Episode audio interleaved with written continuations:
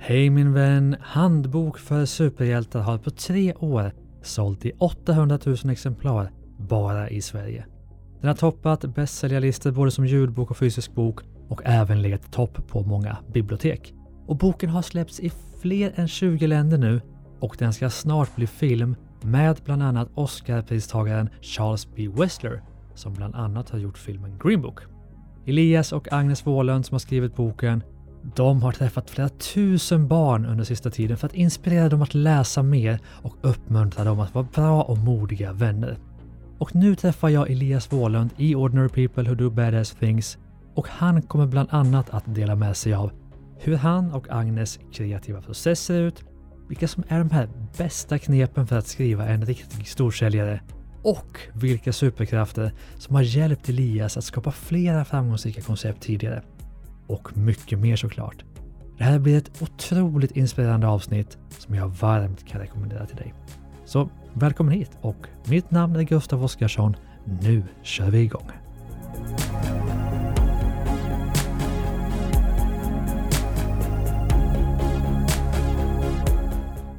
Välkommen till Ordinary People Who Do Badass Things, Elias Wåhlund. Tack så hemskt mycket. Alltså det här är helt sjukt. Jag hade aldrig hört talas om dig om vi tänker kanske för tre, fyra veckor sedan. Nej. Och du och Agnes, Ja. din fru tänker jag, Just det. har ju skrivit boken Handbok för superhjältar. Mm. Är det 800 000 ex? Är det X? Ja, X Ja, den har kommit ut i. 800 000 exemplar bara i Sverige. Sen så finns vi ju i 20 andra länder också. Så att, så att Hur är- många blir det då totalt? Ja, det blir det mer. vet man inte. det blir mer blir det. Ja. ja. ja, det hoppas man. Men du, alltså, hur kan jag ha missat detta? Eh, jag tror att det är för att du inte har barn i rätt ålder. Nej. om man har barn som är någonstans mellan 6 till 10 år så, Ja. så skulle jag vara väldigt förvånad om du inte har hört talas om böckerna. Och hur barnslig man än är själv så. Ja, ja precis. det Nej, men man, man, man är kanske inte inriktad på, på den typen av barnlitteratur, om man ska säga. Nej. Och då måste du berätta för mig, Mm. vad är storyn? Gick ni från att ni kanske har varit författare länge, ni har skrivit massa böcker innan, eller var det bara nu skriver vi en bok och så blev det en pangsuccé? Ja, Vad är storyn? Ungefär, ungefär så var det. Nej men vi, eh, vi, det började med att min dotter var mobbad Mm. eh, och då var hon runt nio år gammal. Ja. Och jag kände att jag ville göra någonting på temat mobbning för att, att försöka nå ut till barn i skolan Mm. eh, som har det svårt. Men, men inte, bara, inte bara skriva för de barnen utan skriva för hela klassen, för alla som går i skolan Mm. och ta upp det här temat om man säger. Och det resulterade då i en berättelse som jag pitchade för min fru och tänkte att den här skulle kunna bli en, en kanske en, en fin bokserie för, eller först och främst en bok bara, Mm. för 9 till 12 år. Ja. Men sen när hon ehm, började rita och illustrera den här berättelsen så, så, så ritade hon hela tiden massvis med bilder. Så att, så att det blev istället för att som en 9 till 12 bok där man har ett, några enstaka bilder så Mm. blev det nästan som en, en hybrid mellan en bok och en serietidning kan man säga. Okej. Så ja, så var det. Vi, och sen så då kände jag att det här tar så himla lång tid Mm. eh, för henne att göra. Okej. Eh, så hon fick säga upp sig. Då hade hon precis börjat på ett medicinbolag och gjorde ja, marknadsföring och runt omkring där med, med annonser och så vidare. AD AD-arbete kan man säga. Mm. Eh, men då fick hon säga upp sig därifrån, tyckte jag. Mm. Ja. Eh, och sen så satt hon på heltid i två år eh, och illustrerade innan Oj. det blev någon bok av det där. Och det var lugnt liksom bara att säga upp sig och skippa lönen och hit Ja, dit, ja och, de, de var oroliga att hon hade blivit felbehandlad på arbetet för det var Ja. jättebra betalt. ja. Och, så att de förstod inte alls varför och, då försökte de förklara att ja, men min pojkvän, för vi var inte gifta då, Nej. han, har, han tror på det här. Okej. så, så så var det. Ja. Så att, ehm, ja. Okej, så du hade då redan skrivit boken? ja, eller? då hade Ja. jag skrivit en berättelse som min fru Agnes då satt under jag tror det var eh, ja, lite drygt två år och då gjorde hon 21 kapitel Ja. eh, totalt. Och sen så tog vi det här till eh, Rabén, ehm, eh, förlaget och de sa att eh, det här vill vi ha. Eh, men det här är, är egentligen en längre berättelse. Så de här 21 kapitlen som ni tycker är en bok, Mm. det är egentligen fyra böcker. Så så var det. Ja. i. Så att det var otroligt alltså. spännande detaljer i detta. För du kom på idén, Ja. du var peppad för det, Ja. du fick med din dåvarande flickvän, eller Ja, fortfarande, just det. nu är det fru, så det, är, samma, det är samma person i ja, alla ja, fall, ja. precis, det är samma person. hon gick igång på att illustrera detta, Ja. vilket hon var duktig på då antar jag från ja, början. Ja, precis. Och hon fick då möjligheten att göra det i, i två år Ja. utan att ha ett annat jobb. Ja. Vi måste ju stanna där först. Ja. För hur många får den möjligheten? I- inte många tror jag. Ehm, hur kunde ni få ihop det? då bodde vi i Warszawa Mm. och jag hade ett jobb i, eh, här i Stockholm eh, på ett HVB-boende som en HVB-konsult. då, så att jag var inhyrd per vecka och jobbade. Och det var ganska så bra betalt. Det var, det var ungdomar som hade det väldigt trassligt och, och, och hade, hade det svårt. Mm. Så att jag jobbade en vecka här i Stockholm och sen så flög jag tillbaks till Warszawa och sen så var jag en vecka i Warszawa och så flög jag tillbaks till Stockholm. Så det var väldigt mycket flygande på den tiden. Ja. Eh, men det var tillräckligt mycket pengar för att vi skulle kunna, eh, att hon skulle kunna sitta på heltid då. Mm. Okej, och sen så nästa steg, nu, då Mm. har ni fått färdigt illustrationerna, ni har Ja. fått färdigt storyn. Ja. Kommer man då med, vad kommer man med? Hade ni liksom tryckt upp en egen liten bok då? Eller kommer man med ett pappersutskrivet manus? Hur gör man? ja, nej, men det, var jätteroligt för att Ja. vad, vad som hände var att jag var så mån om att pusha henne för hon eh, kommer från en familj, vilket många av oss gör tror jag, Ja. eh, där man är van att man måste arbeta. Du ska ha ett arbete, du ska gå till ett kontor eller till en arbetsplats och sen så får du din lön varje månad. Mm. Och jag har aldrig fungerat så, jag har aldrig jobbat så, utan jag har alltid jobbat i olika projekt Mm. eh, och startat och drivit saker. Så att jag har aldrig sett det som, som ett hinder att, att det är lite svajigt med ekonomin i början. Ja. Så att de första två åren handlade väldigt mycket om att övertyga henne att det här kommer att bli bra. Mm. Om vi bara lägger tillräckligt mycket tid på det. Så eh, efter eh, två år så sa hon att ja men nu känns det som att den här boken är klar och då började jag få kallsvettningar för då kände jag att jäklar, jag, hur, hur ska man gå vidare nu? Det visste Kom inte du jag. ens ihåg storyn då? För det var två år Ja, ja, nej, nej, nej, ja, nej men storyn Ja. var, var Ja. i allra högsta grad levande men, men hur går man vidare? Vad är nästa steg när Ja. man tycker att man har någonting? Mm. Och då skickade vi eh, faktiskt boken till ett litet förlag, eller jag pitchade eh, bara på en A4 egentligen, Mm. eh, plus hennes bilder, några av hennes bilder och skickade till ett jättelitet förlag. Så hörde vi ingenting därifrån. Men två, tre dagar senare så, så skrev Rabén eh, Sjögren till oss och sa Hej, vi har eh, köpt upp det här lilla förlaget och tycker att det här verkar spännande med den här boken som ni har eh, tagit in. Mm. Och det är ju någonting som aldrig händer egentligen, att, att, att ett förlag kontaktar dig på det sättet. Så Det är Mm. ju oerhört svårt att få ut en bok. Alltså ordinarie storyn är ju, jag testade på tusen olika förlag, jag fick hundratusen nej. Alltså Ja. det, är, det är det man är van att höra. Ja, precis. Eh, Och här var det precis tvärtom. Ja, här var det de Otroligt. som eh, ville ha vår story. Ja. Vad gick de igång på mest? Det kanske är, svårt att säga, men var det illustrationerna, var det storyn, var det helheten? Jag tror att det är kombinationen av att det var, först och främst, Agnes bilder är fantastiska, så, Ja. så att det är en jätte, jättestor del i det hela. Eh, Och sen så tror jag att det är en berättelse som är universell om man säger. Ehm, Det handlar om en liten flicka ehm, som flyttar till en ny stad, blir mobbad och inte vet hur hon ska ta sig ur situationen Mm. tills hon en dag finner en handbok för superhjältar på ett bibliotek och börjar träna Ja. för att bli en superhjälte. Och, så att det finns mycket i den berättelsen som, som talar till, till både föräldrar och till, till Mm. barn. Eh, Och jag. kanske både de som har eller är mobbade, men Just också de som ser andra som, som utför mobbing. Ja, för Mm. jag, jag tror att också även mobbarna, Ja. eh, för, det, för det där var någonting som var viktigt. När jag växte upp då Var, hade jag en period där- jag var mobbad, men jag hade också en period där jag mobbades. Ja. Eh, och det är ju för att ja, men man vill, om jag trampar ner andra så lyfter jag upp mig själv Ja. och då är det ingen som vågar, vågar ge sig på mig. Mm. Så där någonstans tror jag att, att det var så viktigt för mig att göra en berättelse som kunde tilltala även de som brukade mobba. Mm. Att Just tänka det. till. Men du, vi måste gå in lite på businessaspekten, Ja, för nu har vi absolut. gått igenom lite, okej, det Ja. fanns illustrationer och det fanns en story. Okej, det är så man gör en bok, fine. Mm. Och det är många som har liksom gjort det. Det. Men från det till 800 000 och ännu mer då, Ja, det är ett stort steg. Var jättestort. det bara så att ni lämnade iväg det till Rabén och Sjögren och sen satt det och sen kom exemplaren och pengarna och allt löste sig? Eller var det liksom, vad, vad var stegen på vägen dit? Ehm, ett jätteviktigt steg var att um, Rabén bestämde sig då för att försöka dela upp den här berättelsen som vi hade gjort i fyra olika delar. Ja. Men de ville bara köpa de två första delarna. Mm. Eh, för att det var en sån, sån chansning då i och med att vi inte hade gett ut några böcker tidigare och sådär. Mm. Och då så berättade förläggaren för oss att eh, Sofia, för, vår förläggare, sa att nu Elias ska du höra. Jag gick upp till, eh, till ledningen och sa att jag tror på de här två och, och jag tror att vi ska trycka, vanligtvis trycker man i 2000 exemplar. Mm. Men jag vill köpa två böcker av dem och jag vill trycka i dubbla, så i 4000 exemplar. Ja. Och då sa de, vi tror också på det här och ni ska trycka i 7000 exemplar. Så det var ju hiskeliga summor, 14 000 exemplar, det är ju jättemycket. Mm. Det är ju, det är, på riktigt det är supermycket böcker. Är det. Framförallt för en debutant då. Och det första som jag kände då var att jag ska nog se till att det här blir slut, slutsålt så snabbt som bara möjligt. Mm.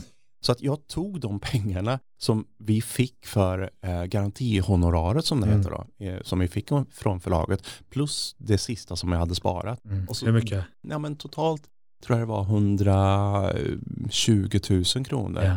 Som jag la på, på marknadsföring i sociala medier. Okej. Eh, Så att det Jag var... tänkte först att du köpte upp alla böckerna själv. Ja, ja nej, det, jag tror inte att det är en, en lyckad metod. Nej. Ehm, Inte i längden kanske. nej, utan, Nej. men så att vi, jag tog precis alla pengar vi hade och Mm. la det på marknadsföring. Utöver det de gjorde själva.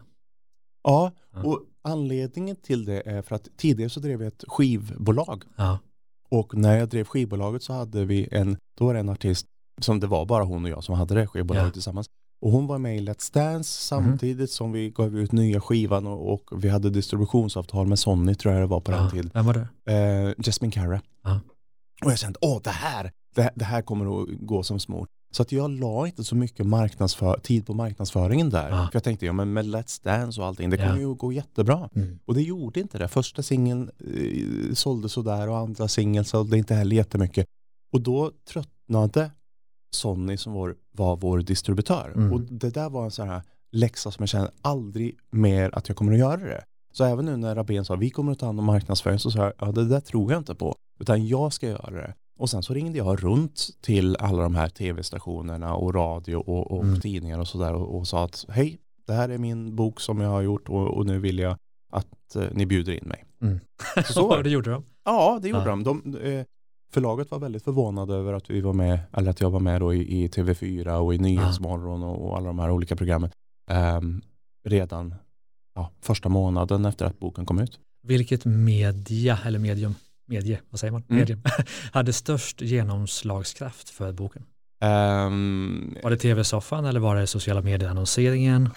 kombinationen tror jag. Ehm, om man är med i en tv-soffa så med en bok, då, då eh, klättrar boken upp på första listan, på, Ja. på, på topplistan på eh, Adlibris och Bokus och Akademibokhandeln och sånt Ja. där.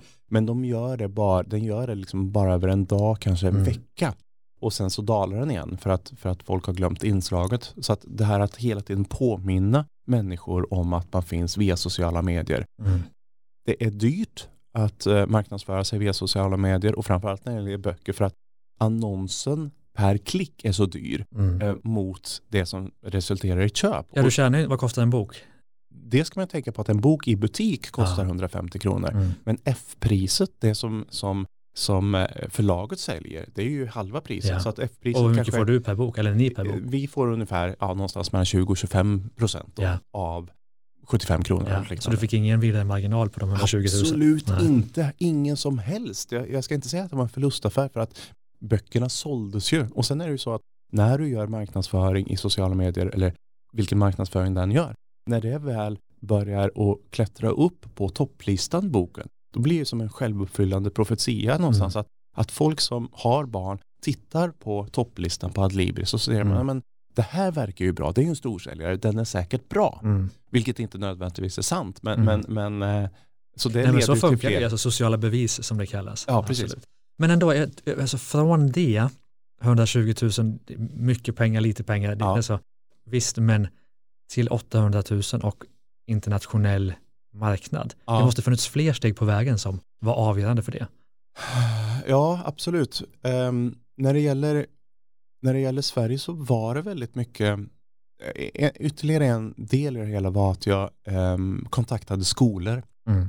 eh, och ehm, gav ut alla bilderna som Agnes har gjort. Per bok då så kanske det är 150 bilder och sånt där. Mm. Och, och det är full färg eh, och de är väldigt detaljerade. Mm. Jag gav ut, eh, vi gjorde det som ett bildspel eh, med liggande bilder så att Mm. alla barnen kunde lyssna på boken i skolan, högläsning och samtidigt se bilderna på ett på en smartboard eller Mm. via projektor, vilket gör att du får en helt annan, upp, annan upplevelse Mm. mot eh, när man har vanlig högläsning. Då. Plus lärarhandledningar som vi också gav ut gratis. Mm. Så att det där kommer man väl in på skolorna också med, Mm. med en bok så, så genererar det också, eh, når ut eh, till en skola med Mm. en bok. Då, då är det ju 30 stycken i den klassen, i bara den klassen. Och, Ja. och sen så kanske boken går vidare till nästa klass. Som man då säger 60 barn som, som lyssnar på den. Och, och kanske några av de där barnen tycker att boken är så bra så att de skulle vilja ha den själv. Mm. Så där tror jag är en del av, av hemligheten. Och sen så hade vi ju bra eh, Rabed Agency som är vår agentur för utlandet. De, Ja. de sålde ju på fantastiskt bra med, Ja, med utlandet. just det. Det är ju spännande att tänka sig, alltså, det är ju en businesspodd liksom, Mm. att, att se affärssidan av det. Alltså, böcker generellt, de, det är väldigt få som tjänar pengar. Ja, En snittbok säljer väl i 2000 ex eller vad Ja, det är ja. som- är snittet. Liksom. inte alls mycket. Och eh, nu har ju ni hamnat i ett annat läge, men vad är det man tjänar pengar på i bokbranschen? Jag kan se framför mig att det är själva boken, Mm. men det måste ju bli en, en, en enorm uppsida när man kan ge ut bok två, tre och fyra. Det måste ju vara där stora ekonomiska uppsidan ligger. Precis. Och sen har vi ljudböcker, eh, kanske ge ut i e-boksversioner, Mm. vad vet jag. Mm. Mm. Är det de grejerna som, där finns liksom ekonomin eller, eller leder det till mycket annat med? Det är föreläsningar och det är där som man får in Ja, vi, vi, vissen vi, liksom. ja, vi hade faktiskt en, en period, nu är det två år sedan, men Mm. eh, vi hade en period, vi fixade en, en bokare som är fantastiskt bra eh, på att sälja in oss. Eh, så att vi hade ett år, jag vet inte, jag tror att jag föreläste för 7000 personer. Oerhört många föreläsningar och skolbesök och biblioteksbesök. Så det var en riktigt, riktigt bra business. Det var, Mm. det var mycket pengar i omsättning. Jag tror fler eh, författare tjänar pengar på att föreläsa än att ja, ut böcker, om så jag ska är vara ärlig. Och, och först så tänkte jag att men det där är, är ju, kan man, ja, eh, är det riktigt rätt? Man säger att man är författare men man åker omkring och föreläser. Men jag tycker det är fantastiskt kul att träffa eh, barn och, och, och prata om, om böckerna dels eh, för att jag tycker att berättelsen är viktig, eh, Mm. hur man ska vara mot varandra i skolan. Och, och sen så också ge dem tips om livet och Mm. att tro på sig själva. För jag tror att väldigt mycket när man mobbar så gör man det för att man inte är så trygg i sig själv. Mm. Eh, Så det handlar om att stärka alla barn, inte bara de som är eh, retade. Ja. Men om vi tänker då, du har varit ute och träffat många barn och skrivit eh, den här boken, och vad heter den nya boken? Ska vi också nämna naturligtvis. Eh, och den senaste boken Ja. heter Utan hopp. Det är del sex i Ja. den här serien. Ja. Ehm, och varje berättelse. Ja, det är nummer sex nu. Ja, Det är jag som är alldeles för obarnslig och har för lite barn för att förstå hela resan. Ja, nej men så, så varje bok, är löp, varje berättelse löper över fyra böcker kan man säga. Men man Ah, kan okej, absolut läsa en bok och tycka att den är bra. Och det jag vill komma till när du Mm. varit ute och träffat så många barn och vuxna också, Mm. vilka, för jag antar att du vill ge dem perspektiv och verktyg på olika sätt. Och många som lyssnar på podden har ju egna barn. Mm. Eh, vilka verktyg vill du skicka med till föräldrar som vill, vill hjälpa sina barn? Jag har samma råd eller tips kan man säga till, till både föräldrarna och till barnen. Det handlar Mm. om att tro på sig själv väldigt Ja. mycket. Eh, Det här att, att du kan bli precis vad du vill. Eh, Vi är så låsta i vårt tankesätt i samhället att eh, skolan lär oss, samhället lär oss att vi ska ha ett arbete, vi ska, vi ska eh, studera och sen så ska vi ha eh, ett arbete som vi går till varje dag. Och det är inte alls nödvändigt att det här arbetet är roligt för sen så har du semester och då kan du ha kul på semestern. Mm. Och jag, jag, har aldrig, jag har aldrig köpt den grejen. Jag, jag har alltid varit, jag har trott mer på att ha kul. Mm. Eh, och har man roligt och gör saker som man tycker är roligt så blir Mm. man till slut bra på det. Så Mm. tror jag. Men ändå, från att gå från att inte ha skrivit så mycket, någon bok alls kanske innan, Ja, bok. till att ha skrivit en bok som har kommit ut i 800 000 ex. Vad gjorde du innan som ledde fram, liksom? eller vad gjorde ni innan som ledde fram till att, att ni hamnade i den här spotten? Liksom? Ja, först om man ska ta en lite längre berättelse Ja. så, så satt vi faktiskt i nio månader och gjorde en grafisk novell. Mm. Eh, Då hade jag en berättelse som, som var annorlunda som var, handlade om en, en ängel som hämtade själar. Mm. Eh, och som sen fick, eh, det kom in en ny ängel på, på hans område, territorium och så vidare. Och det var en ganska så, eller det var en bra berättelse och Mm. Agnes satt med, med och illustrerade den i nio månader. Ja. Och sen så tog vi den till en förläggare här i, i Stockholm Mm. som sa att pitchen är bra, berättelsen är bra, illustrationerna är också eh, bra, men de passar inte ihop. Illustrationerna är för en yngre publik och berättelsen för, är för en äldre publik. Jaha. Så då, då var det ja, nio månader eh, bortkastade helt enkelt. Så då, Fast ändå en lärdom såklart. ja, precis. Men, men då kändes det inte som en kul lärdom, utan då Nej. kändes det väldigt tufft. Mm. Så, så det var bara att bita ihop och, och börja om och då, Mm. och då pitchade jag den här grejen till Ja. Agnes. Men Jag menar innan dess, du hade skivbolag sa du. Mm. Alltså mi- vad har ni, vad har ni båda två gjort innan? Eh, jag har egentligen hoppat runt hela livet. Ja. Jag, har, jag kommer ihåg någonstans när jag var mm, 15-16 år så sa jag att när jag blir stor då vill jag bli skådespelare Ja. eller jag vill bli författare. Och nu har jag ju hoppat runt eh, både som, som, eh, som skådespelare och författare Ja. i, i en, ja, hela mitt vuxna liv egentligen. Ja. Jag har gjort cirkus, jag utbildade mig till, till cirkusartist eh, både i Frankrike och Italien och i eh, en universitetsutbildning i Mm. London i cirkus. Okej. Så det är min grund kan man Ja. säga, både som skådespelare och som, ehm, eh, som cirkusartist. Och sen så jobbade jag, ehm, jag kom på att det hade varit roligt att starta en cirkusutbildning. Mm. Så jag startade ett cirkusgymnasium, ett treårigt cirkusgymnasium nere i Skåne. Okej. Och även en ettårig stuntutbildning som var den enda i sitt slag i hela världen faktiskt. Ja. Så många av de filmerna man ser nu är det, är det stuntmän och stuntkvinnor som, som har gått vår utbildning. Aha, intressant. Var du duktig på det också? Blev det en framgång? Ja, här- det blev det. Det blev eh, absolut en framgång. Ja. Och det är inte nödvändigtvis så att, att jag har varit expert på saker, men jag, har, jag, har, jag tror att jag är ganska bra på att få in folk, att övertyga Mm. folk att det här är en bra och, och, och kul idé.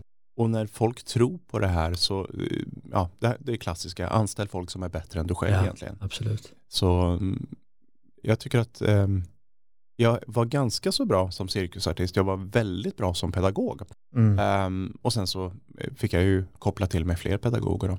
Men alltså min tes här, ordinary people who do Ja. badass things, du är inte, det som du har berättat nu, det är inte speciellt ordinary att gå en cirkusutbildning och starta stuntutbildningar och liknande.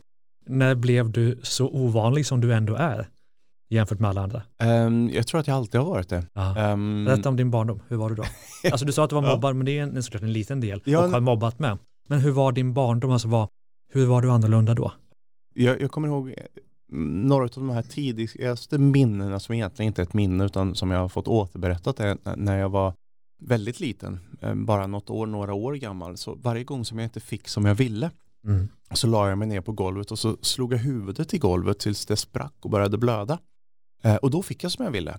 Så någonstans där så Ja. kände jag att, att, att jag kan få precis vad jag vill, bara jag är beredd att kämpa lite för det Mm. och beredd att ta den här smärtan som kommer med det ibland. Mm. För att jag tror att vad du än vill eh, göra i livet så, så finns det fler människor som har samma drömmar Mm. eh, som du som vill uppnå samma saker. Men är de beredda att ta samma uppoffring som du gör? Mm. Eh, så det tror jag är en, en sån här viktig del att när det känns tufft, nu när jag berättar att, att Agnes satt i två år och att vi jobbade med första boken i två år så Mm. känns det som att man viftar bort det lite. Ja. Men två år är väldigt lång tid Verkligen. när du inte vet, du får inga pengar för det. Nej. Och du vet inte om Ja, det du kommer förlorade ju pengar, Ja, ja, du kunde ha jobbat och Ja, ja, tjänat visst. 70 000 i månaden. Ja, ja herregud. Ja, ja, Ja. absolut. Så, att, så att det var ju, det var ju, eh, det var ju absolut Ja. Men är hon likadan? Är hon också samma? Eller vad, alltså, är det du som har smittat henne? Jag har smittat henne. Ja. Jag är jättebra på att, att övertala folk. Övertyga. Ja, ja precis. Nej, men så, så, så att Ja. ehm, hon, hon har köpt det här konceptet nu. Ja. Men det är spännande för det känns som att med tanke på allt du har gjort då Mm. så var det ju bara en tidsfråga innan något skulle bara explodera. Ja, För gör man mycket och gör det all in, efter ett tag, för, för vissa går det på första försöket. Men, men det är inte ditt första försök att skapa något coolt och stort. Eller hur? nej. Till slut så bara stångar man huvudet i, det märker jag ju på alla som är med i podden. Ja. Det är någon enstaka som har lyckats på första försöket, men för de flesta är det ju sjunde, åttonde gången man försöker. Helt olika saker kan det vara, men det är ett ständigt liksom, jag ska lyckas med någonting. Ja, precis. Jag, jag tror att jag brukar kalla mig själv väldigt mycket en sån här bananfluga för att jag har, har svårt Ja. att koncentrera mig. Jag, jag har ingen diagnos eller jag har inte brytt mig om att, att kolla upp det. Men jag är ganska så tillfällig i att ja, men nu, vill jag göra det här i några år Mm. så, så vill jag testa det här i några år och så ser man vad det resulterar i och, Ja. och är det ingen succé ehm, då känns det som att ja men då kanske inte det här var rätt grej och så testar man ny, eh, en ny sak istället. Mm. Ehm, och det där har jag mått dåligt av väldigt mycket för att, för att många människor, eh, många av mina vänner, de har ju, nu jag är ju 47 nu, de har ju gått den här traditionella vägen, Ja. jobbat sig uppåt och är nu vd för olika företag och sådär Mm. och har en rejäl lön och, och, och en bra pension och sådär.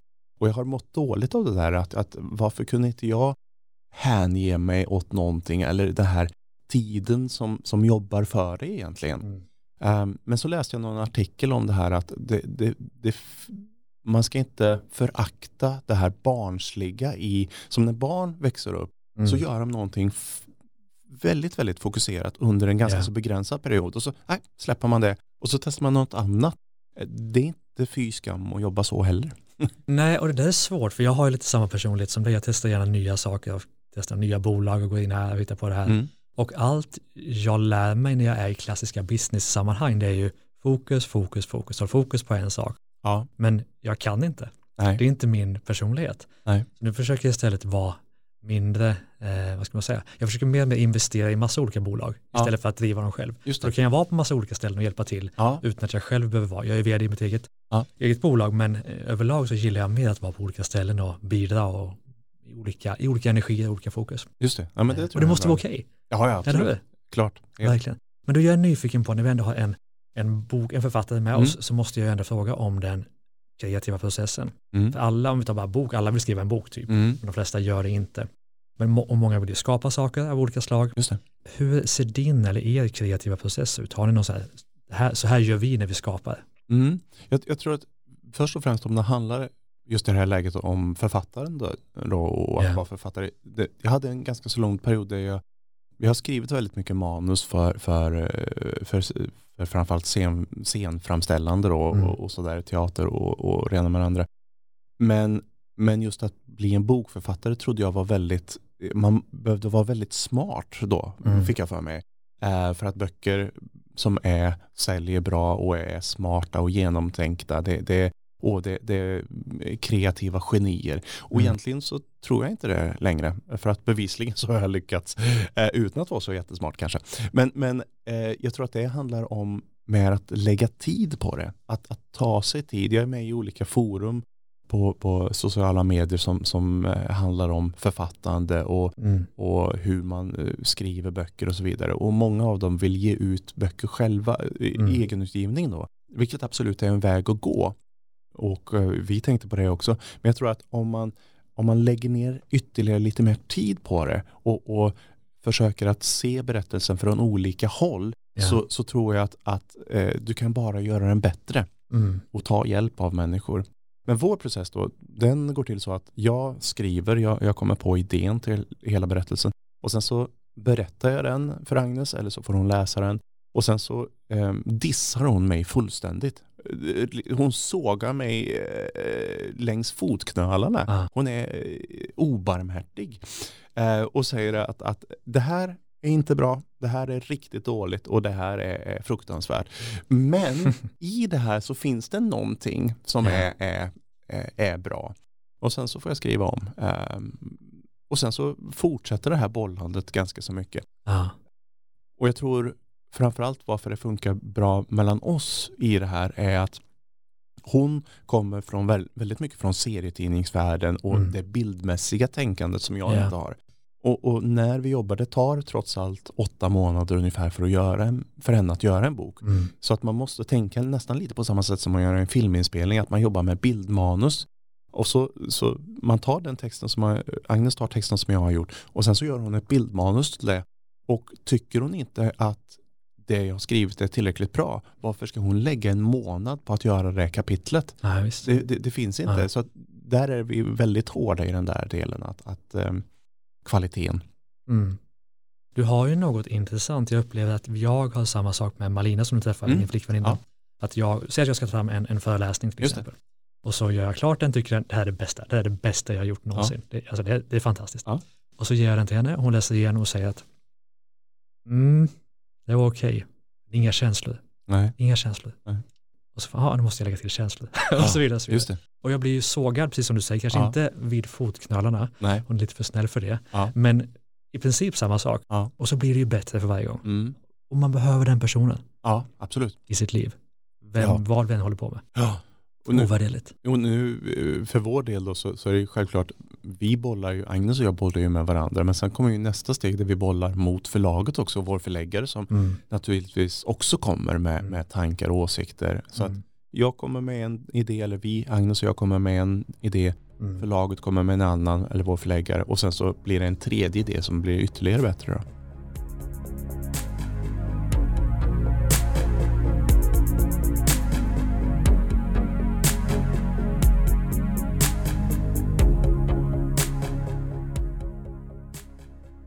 Jag är väldigt förtjust i att vi har Fortum som partner till podden och jag ska berätta varför. För det första så är det vårt ansvar som företagare att välja ett elbolag som satsar på hållbarhet och ren energi. Eftersom Fortum är Nordens största elbolag och det ledande energibolaget inom ren energi så kan de verkligen göra skillnad på riktigt. Och ju fler vi är som väljer dem, desto större skillnad kan de göra för oss och världen. Det andra jag gillar med Fortum är att de är väldigt vana vid att ta fram vassa elavtal till oss som driver företag, i alla storlekar ska jag säga. Det skadar ju aldrig att jämföra och tänk om ditt företag både kan spara pengar och hjälpa miljön på samma gång. Det är såklart värt att spana in. Just nu har Fortum ett härligt och vasst erbjudande till oss som driver bolag. Som ny kund får du hela 1000 kronor i välkomsterbjudande och självklart så sker bytet enkelt och tryggt utan risk för så kallade brytavgifter. Så gå in på elavtal.fortum.se slash företag valkomstrabatt, alltså elavtal.fortum.se företag valkomstrabatt för att få din rabatt och hjälpa miljön och förhoppningsvis också företagets elräkning på samma gång. För dig som inte fick med länken där så kommer vi att lägga den i poddavsnittets bio. Stort tack till Fortum!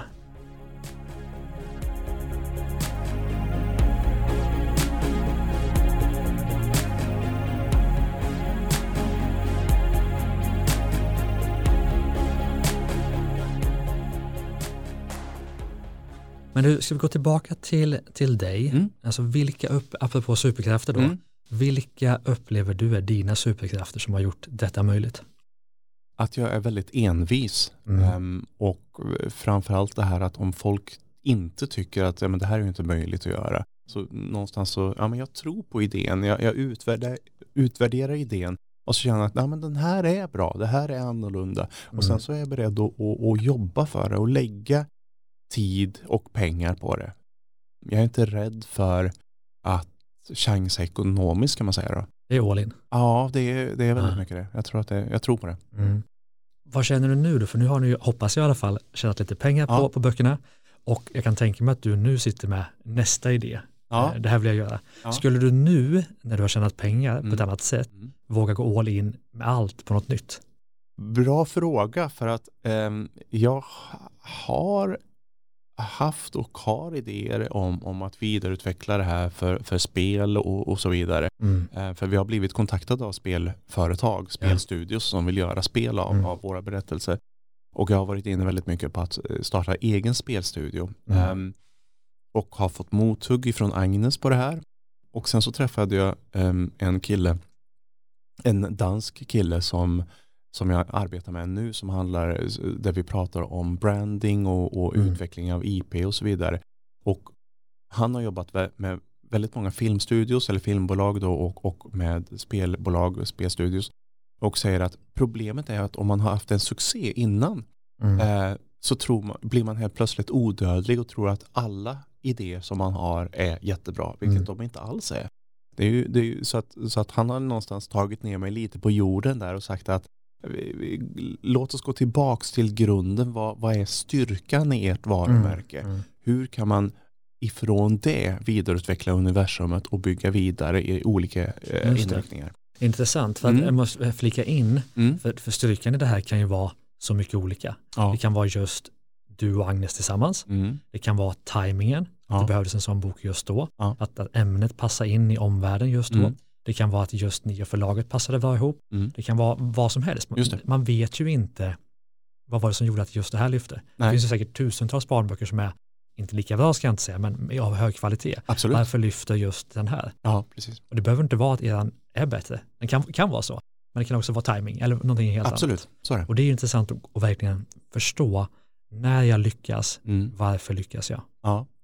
Det är en intressant insikt som Ja, du gav mig. Ja. Jag, jag, tror, jag tror att det här att hela tiden reflektera Mm. ehm, över både uh, succéer och även när det har gått käpprätt åt skogen. Ja. Ehm, jag tror att det är ganska så ofta som man reflekterar när det har gått åt skogen, vad, vad hände, vad gick fel?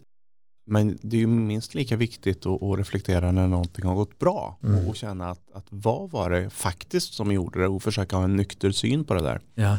Och kanske titta på allt man har gjort i livet som har funkat. Ja, Och vad, vad har hänt där? Liksom? Ja, Mm. men, jo, jag har alltid jobbat i team med en stark annan person som har kompletterat mig, Mm. som du var inne på. Ja. Eller vad det nu kan vara. Mm. Men du, hur, om du inte hade blivit mobbad som barn, Mm. hade vi suttit här då? Ja, herregud. Absolut. Eh, jag, jag tror att... ehm, Eller jag, jag tänkte att det var en så stark påverkan på dig, inte att detta har hänt med böckerna och allting. Eller är det, var den inte så, så viktig som motivationsfaktor? ska, ska jag, nu ska jag vara riktigt ärlig. Ja. En dålig Eh, fråga, är det du nej, nej, nej, nej, absolut inte. Men jag, ska vara riktigt Ja. ärlig. Jag tror absolut att jag hade suttit här. Det, det handlar också om att, att bygga myt. Ja. Att bygga myten om företaget eller bygga myten om vad det är som du skapar. Mm. Och nu, vanligtvis hur jag berättar den här historien är ju att jag börjar med att min dotter var mobbad Mm. och jag ville göra någonting för henne. Men sanningen som jag redan har varit inne på är ju att vi jobbade ju faktiskt nio månader innan Ja. med en grafisk novell som inte gick. Mm. Men när jag pitchar det här, när jag pratar om det i en tv-soffa eller i ett radioprogram så säger jag, jag nämner ju aldrig de här nio första månaderna Nej. för det är inte intressant.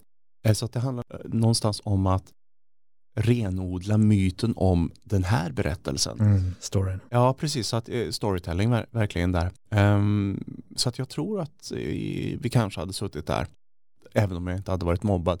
Och även om inte min, min dotter hade varit mobbad. Ja, tror jag. intressant. Jag. upplever att du är en person som, vilket jag hoppades på, Ja. eh, du gör ju definitivt saker annorlunda än de Mm. flesta. Mm. Och jag upplever att du tänker lite annorlunda, lite Ja. eller mycket, det vet jag inte, men annorlunda än de flesta människorna generellt. Mm. Om vi tittar på, på människor som du möter, som du träffar i omvärlden, Mm. vad, vad upplever du att, att folk tänker på, gör, som du känner bara, va, det här är helt galet, jag skulle aldrig ägna mig åt det. Men jag var, jag var inne lite på det förut när vi Ja. pratade om det här med att jag har, att jag har den här bananflugan som hoppar mellan olika saker medan Mm. andra människor jobbar eh, mer långsiktigt på ett Mm. företag. Eh, Mm. Man, man får ett jobb på, på en bank när man är 25 kanske och sen så 20 år senare så, så har man klättrat uppåt i, i hierarkin på banken. Jag tror att många människor är väldigt, att man är trygghetsknarkare kanske, att, Mm. att man behöver den här tryggheten. Jag måste ha pengar varje månad Mm. eh, för att kunna betala huset, för att kunna betala bilen Ja. eh, och, och, och för att det ska fungera. Har du svårt att förstå det? Eh, ja, eller nej, jag förstår det. Men, men det är ju också, jag ser det lite som en, en, en livslögn för varje, varje, varje månad som Mm. du jobbar för någon annan så jobbar du för någon annans dröm. Du jobbar ju inte för din egen dröm, Nej. utan, utan livet går eh, under tiden som du jobbar för ett annat företag Mm. så går ju livet hela tiden. Du blir, du blir inte yngre, du, du förlorar hela tiden ytterligare en månad av ditt liv, ytterligare ett år av ditt liv Mm. går åt till att jobba för någon annan. Mm. Och sen så har du då eh, några timmar varje kväll som du, du kan ha för dig själv innan du stupar i säng. Mm. Eh, och så har du helgen som du kan göra någonting och så har du de här veckornas semester. Mm. Och jag kan ju göra precis vad jag vill hela tiden Mm. med mitt liv för Mm. att jag väljer att styra mina dagar som jag vill. Men i och med att du då lever så annorlunda och Mm. som jag upplever också tänker annorlunda, Mm. kan, eller har du då kunnat um, fortsätta umgås med människor som har funnits under hela ditt liv? Eller har du varit tvungen att söka dig till en ny typ av umgänge? Dels har jag sökt mig till en ny typ av umgänge. Mm. Ehm, men sen, eh, jag har ju några gamla vänner kvar, absolut. Mm. Och, och det är ju inte, det är inte så att jag inte förstår dem. Jag förstår absolut och jag har ju till och med i perioder varit avundsjuk på dem. Mm. Att eh, de vet på ett ungefär vad de får i pension. Eh, Mm. så att livet är utstakat lite för dem. Mm. Men, men det, det öppnar ju inte heller upp för så många olika möjligheter. Jag är mer Mm. flexibel flexibel i mitt eh, liv och, och vad jag väljer att göra med det. Mm. Men vad, okej, vad är den galnaste idén? För du måste ju haft, med tanke på att du har gjort så mycket olika Mm. saker, du måste ju haft en del helt sjuka idéer som inte har blivit av. Vad är den, vad är den galnaste idé du har haft? Åh, eh, in, för inte så jättelänge sedan så var jag väldigt, väldigt inne på att göra en, en, en app där du berättar om ditt liv eh, till Mm. dina efterlevande. Ja, spännande. Ehm, för att eh, någonstans hela mitt, eh, hela mitt liv eh, har handlat om dödsångest, att jag har haft en, en himla dödsångest. Så att Mhm. det har någonstans varit drivkraften. ja, har du kvar det här fortfarande?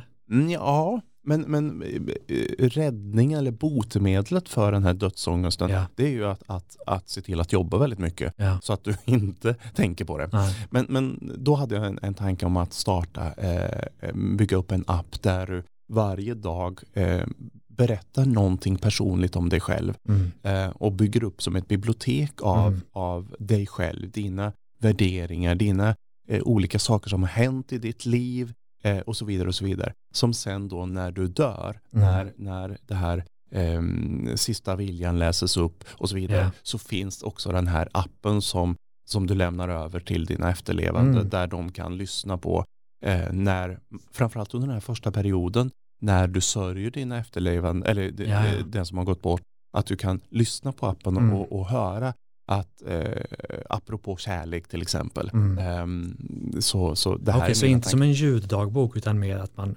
pratar om saker som ligger en varmt om hjärtat kanske? Ja, precis. Och och sen att det då finns ett bibliotek i den här appen där du kan se att men den här, eh, nu vill jag lyssna när min pappa eller min mamma pratar om, eh, om kärlek Ah, ja. och, och så vidare. Och, och jag tänker, eh, för det finns så många föräldrar eh, eller många barn där de förlorar sina föräldrar på grund av cancer eller något liknande. Mm. Där de är, barnen är i ganska ung ålder, Ja. fem, sex år kanske bara. Mm. Och då att, att ha den här appen som, som någonstans skulle kunna vara som någon eh, där man under tiden man växer upp har mammas eller pappas röst. Ja, och visdom. Mm. Ja, och visdom någonstans. Men du fattar nu att någon som lyssnar på den här podden kommer ta den här idén? Ja, absolut. Ja. Och, och jag, jag, jag, Och det kanske är fine. Nej, men jag var lite förvånad över att, att, att ingen hade gjort det tidigare. Mm.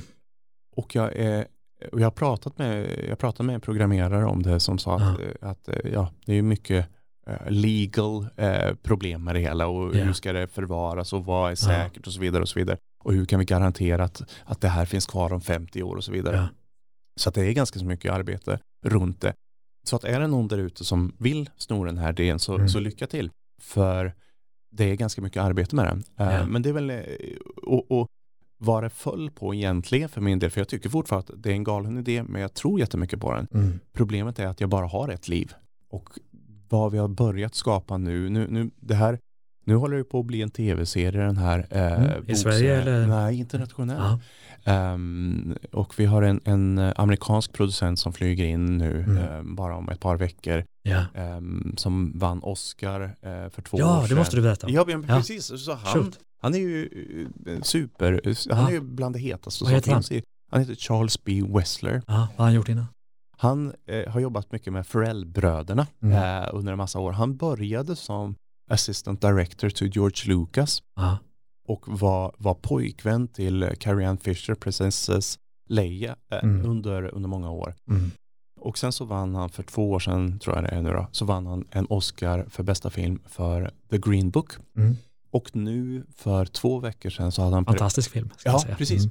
och nu för två veckor sedan så hade han premiär på Palmer, en ny film med Justin Timberlake i huvudrollen. Ja. Och den är också lite så här Oscars-tippad. Så att i Hollywood just nu så är han en av de absolut hetaste producenterna och Mm. han kommer till Sverige för att jobba med den här tv-serien som då är en animerad tv-serie 3D-animerad som sen eh, kommer att gå på, jag får inte säga det än, men en känd internationell strömningstjänst. Jag förstår. ja. Jag kan att- bara gissa. ja, men precis. Så, att, så att det känns som att det är mycket på Ja. gång med, med att bygga upp det här varumärket och bygga upp det här universumet som vi har. Ja. Så att alla de här galna idéerna som Mm. jag tidigare hade kanske varit beredd att gå all in på kan jag Ja. inte nu för, för begränsad tid. Men du kan också hitta nya galna idéer inom den här boxen som du är i Absolut. just. Varav Ja. det här är en. Så kanske inte är din idé, men det är också ett sätt att ta nästa steg med, med alltså inom ett, ett fokus. Ja, så är Att ta det. nya steg inom samma fokus. Ja, helt. Intressant. Men du, jag måste ju fråga då, det här är ju coolt. Mm. Det, det känner du också att Ja. du berättar om det här. Det här är, Ja, det är, det här är coolt. liksom. Ja, ja. Eh, när du möter den typen, har du mött honom? Mm. Ja. När du möter den typen av människor, andra människor som har lyckats Ja. och verkligen har lyckats mycket och ordentligt, Mm. kan du se egenskaper hos dem som du känner att okej, det här känner jag igen. Människor som lyckas, är framgångsrika inom sina gebit, Mm. har de här egenskaperna. Mm. Jag tror att eh, många av de som jag har träffat som har lyckats, det finns någon slags aura kring dem som gör att, att det nästan lyser kring dem, tycker jag. Mm. Eh, Så att de har överlag när man har lyckats eller när man jobbar för att lyckas med något företag så tror jag väldigt mycket på din personlighet är en viktig del av det hela. Du måste kunna, som vi var inne på, övertyga. Du måste kunna liksom få folk med på tåget. Eh, Mm. Så det behövs någon form av utstrålning tror jag. Och sen någonstans att, att vara beredd att jobba hårt och Ja. inte bli bitter, inte förvänta sig saker av omvärlden. Eh, att den här idén är så bra så att folk borde förstå den. Mm. Förstår de inte, då måste du jobba hårt för att Mm. få dem att förstå det. Så inte förvänta sig av omvärlden uh, någonting överhuvudtaget utan Mm. bara vara beredd att jobba mer. Okej, så jobba hårt, Mm. skaffa sig en personlighet. Ja, ja, precis. Och vad har vi mer på den framgångsrika eh, människors egenskaper? Ja, men inte, inte vara bitter för motgångar när, när det inte funkar. Och, och känner man, oavsett hur bra din idé, eh, lyfter inte den efter ett par år så, så Mm. kan det vara värt att, att göra en ny omvärdering och se, eh, reflektera varför lyfter inte den här idén? Ja. Och kanske är det så att du inte har jobbat tillräckligt hårt, du har inte fått tillräckligt mycket pengar till den och så vidare. Absolut. Eller också är det så att faktiskt idén kanske inte är tillräckligt bra. Nej. Så att du får, måste någonstans vara beredd att omvärdera. Och sen så är ju världen som vi lever i, vi pratar ju om VUCA world, det här att, att det, den, det förändras så väldigt snabbt allting. Mm. Och det som tidigare för, för bara tio år sedan inte fanns på kartan, är något av de största bolagen vi har Mm. eh, internationellt. Så att, Ja. så att det är så mycket, det kan ju hända att den idén som du hade för tre, fyra år sedan som du har kämpat med, du har blivit eh, bort omsprungen av, av omvärlden som har gått vidare på något helt annat. Ja. Spännande. Mm. Du, nu har det gått 45 minuter. Ja. Tiden går väldigt Ja. fort, väldigt fort. Och det känns som att vi kan snacka en timme till. Men vi måste tänka på lyssnarna också. Exakt. De kanske sitter i bilen och vill höra avslutningen innan de går av. Jag har ingen aning. Precis. Men du, vad ska vi avsluta med? Vi har ju tusentals lyssnare nu som förmodligen driver bolag som vill uppfylla sina största drömmar, kanske skriva en bok, vad vet jag, Mm. eller bygga fantastiska företag.